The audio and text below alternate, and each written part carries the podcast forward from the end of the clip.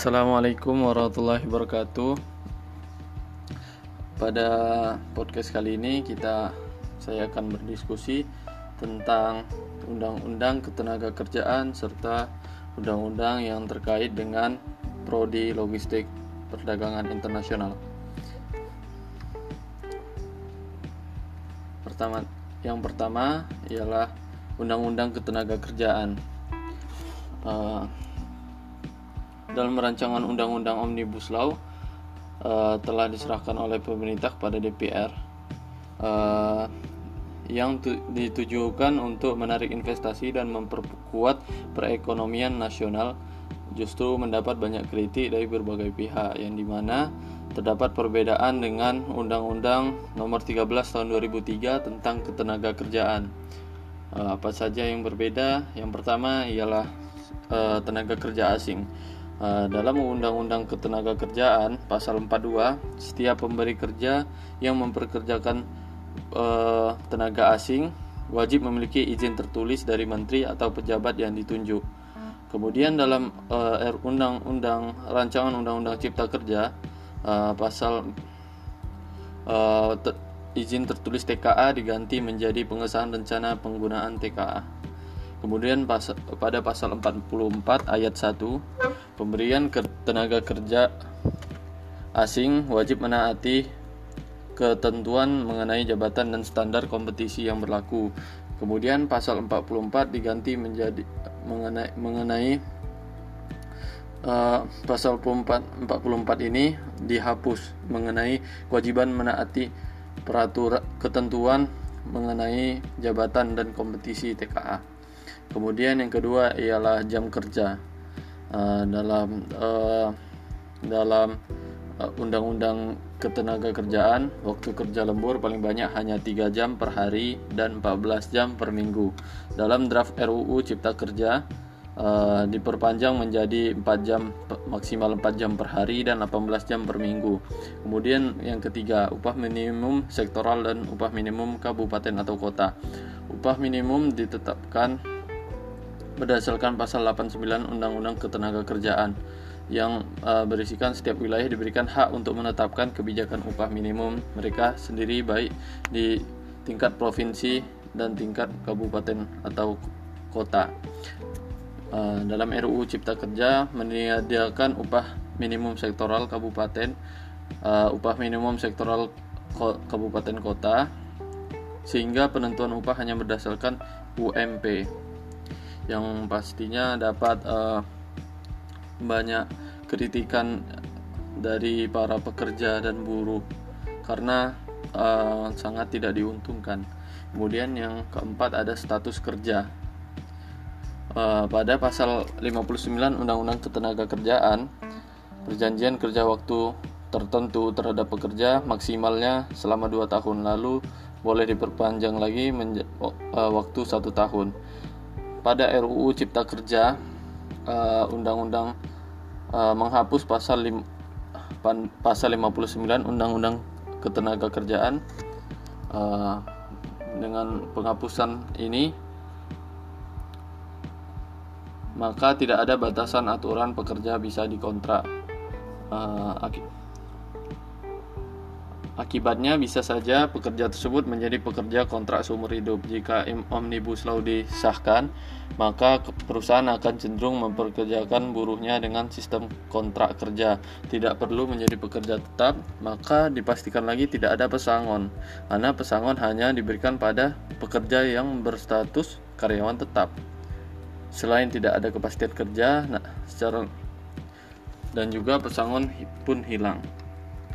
Baiklah kemudian itu saja uh, beberapa contoh dari uh, undang-undang ketenaga kerjaan yang saya ambil. Kemudian kita lanjut kepada undang-undang logistik. Uh, pengertian logistik ialah ilmu manajemen yang di mana pros rangkaian aktivitasnya saling berkaitan dan dikerjakan secara bertahap dan memiliki tujuan mengelola dan menjaga memelihara barang ataupun alat perlengkapan tertentu. Aktivitas logistik dilakukan demi tersedianya suatu produk barang yang tepat waktu dan berada di lokasi yang tepat. Adapun tingkatan kinerja yang harus diraih dalam kegiatan logistik adalah lahirnya keseimbangan antar kualitas pelayanan yang diinginkan oleh pelanggan dengan seluruh biaya yang dikeluarkan demi menyentuh tujuan akhir perusahaan. Kemudian ada sistem logistik. Dalam sebuah sistem pasti memiliki komponen yang mampu mendukung tersebut agar bisa terus berjalan dengan baik.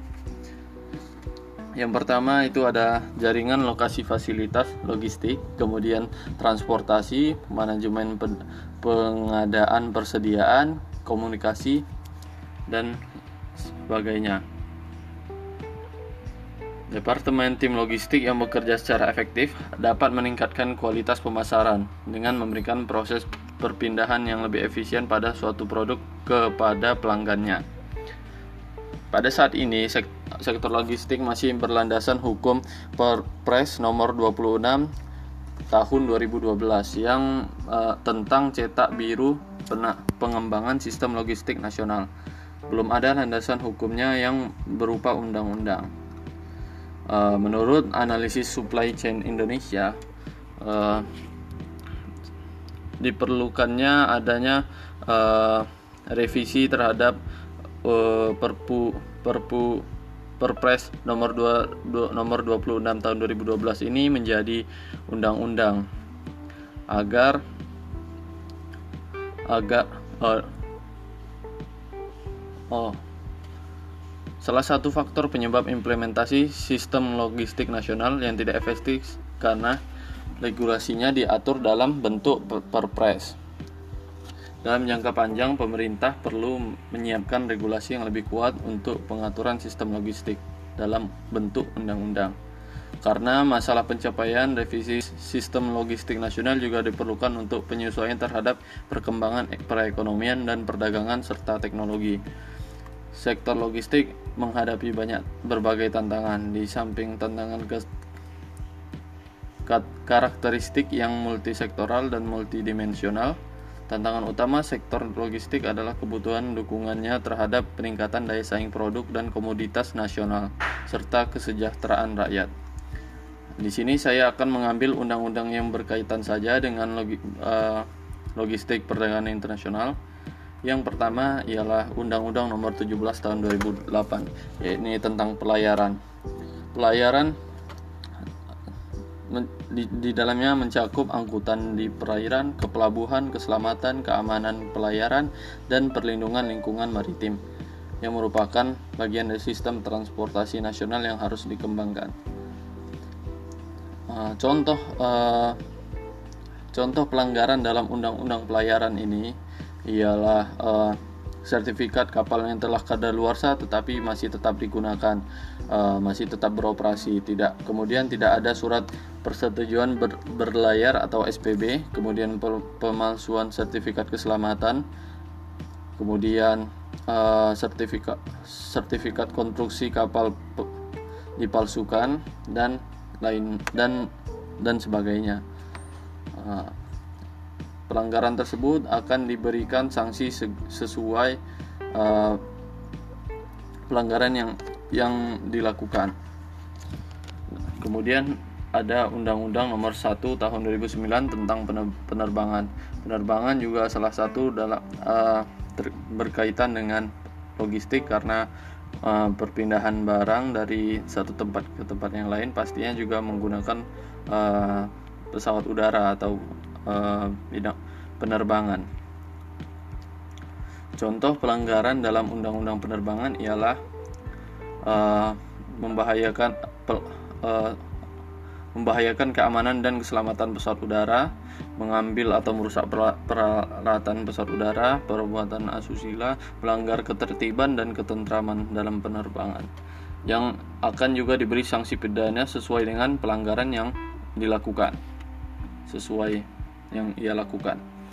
Kemudian nomor kemudian yang terakhir ialah Undang-Undang Nomor 22 Tahun 2009 tentang lalu lintas dan angkutan jalan.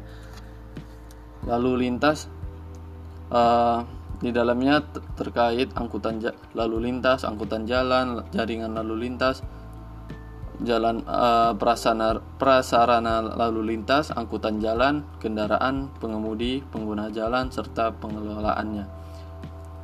Co contoh uh, contoh dari pelanggaran undang-undang lalu lintas dan angkutan jalan ialah uh, tidak memiliki surat izin pengemudi atau SIM.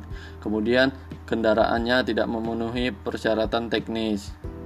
Lalu kendaraan uh, tidak dipasangi nomor uh, tanda nomor kendaraan dan sebagainya. Itu itu uh, adalah contoh pelanggaran dari undang-undang undang-undang lalu lintas dan angkutan jalan yang yang diberi sanksi pidana sesuai dengan pelanggaran yang dilakukannya. Uh, mungkin sampai sampai sini saja diskusi kita malam ini. Uh, lebih kurangnya saya mohon maaf. Wabillahi taufik wal hidayah. Wassalamualaikum warahmatullahi wabarakatuh.